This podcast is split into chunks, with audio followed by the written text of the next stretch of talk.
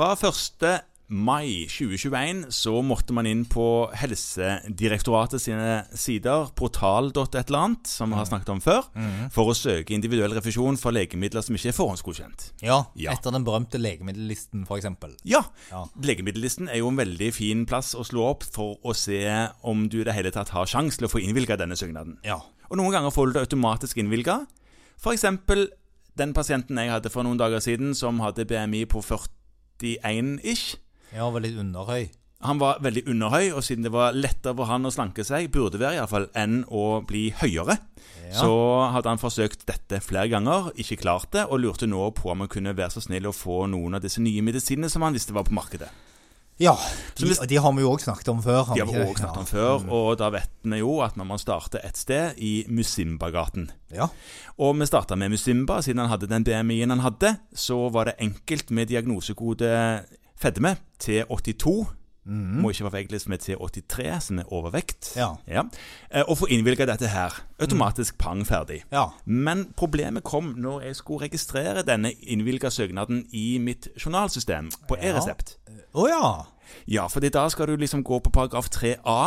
Ja, for det er det som du har fått vedtak om. Det er det jeg har fått vedtak om. Pasienten har fått et brev i digiposten sin om at uh, dette er godkjent og innvilget og fram og tilbake. Ja, Veldig flott. Og så skal jeg da trykke at det er innvilga fra dagens dato, og for denne medisinen så var det to år fram i tid. Noen medisiner er det jo litt lengre på, men denne var to år fram i tid. Og da skulle jeg legge inn diagnosekode. Ja. Og lette da etter T82 overvekt. Nei, fedme. Le- Lette du lenge? Jeg lette Jeg trodde jeg kunne alfabetet, men jeg gikk igjennom en gang til. Ja. Det, det som er enda mer frustrerende, er jo at den listen med komplett uvesentlige ting som kan velges, Ja. den er lang. Den er lang, ja, og heldigvis er den alfabetisk. Men eh, den T82 var ikke der. Nei.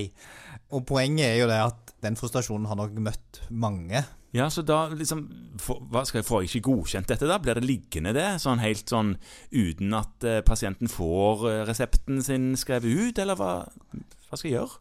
Du trenger ikke noen diagnosekode.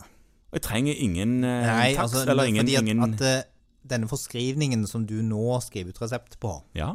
den kobles jo mot et vedtak Mm. som apoteket har.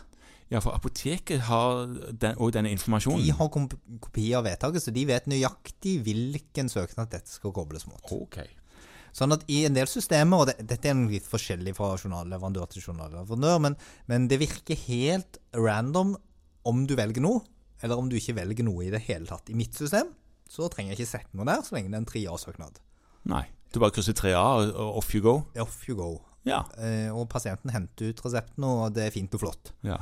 Hos Eh, meg så må jeg altså legge inn et eller annet Ja, annet. eh, og da Det gikk en stund før vi oppdaget at du ikke trengte sette noe der, så da satte man jo et eller annet som, som lå i gaten, da. Mm. Ja. Ja, lipidstoffskifteforstyrrelse. Mange av de har det. Ja. Men det er jo ikke derfor de har fått refusjon. Nei, nei, nei. Så det, formelt er det egentlig feil. Ja.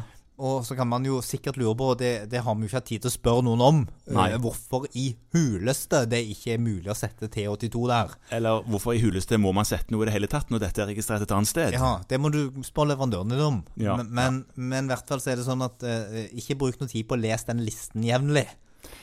For det, du har andre ting som er viktigere i fastlegelivet ditt. Enn en det der. Ja. Ja. Så det viktige er å registrere at søknaden er innvilga, og at det er fra dato, og kanskje til dato, og trykke 'send'. Ja, Ja. det er det viktigste. ja. Og da får medisinen eh, sin rette eier i andre enden til slutt. Ja. Ja.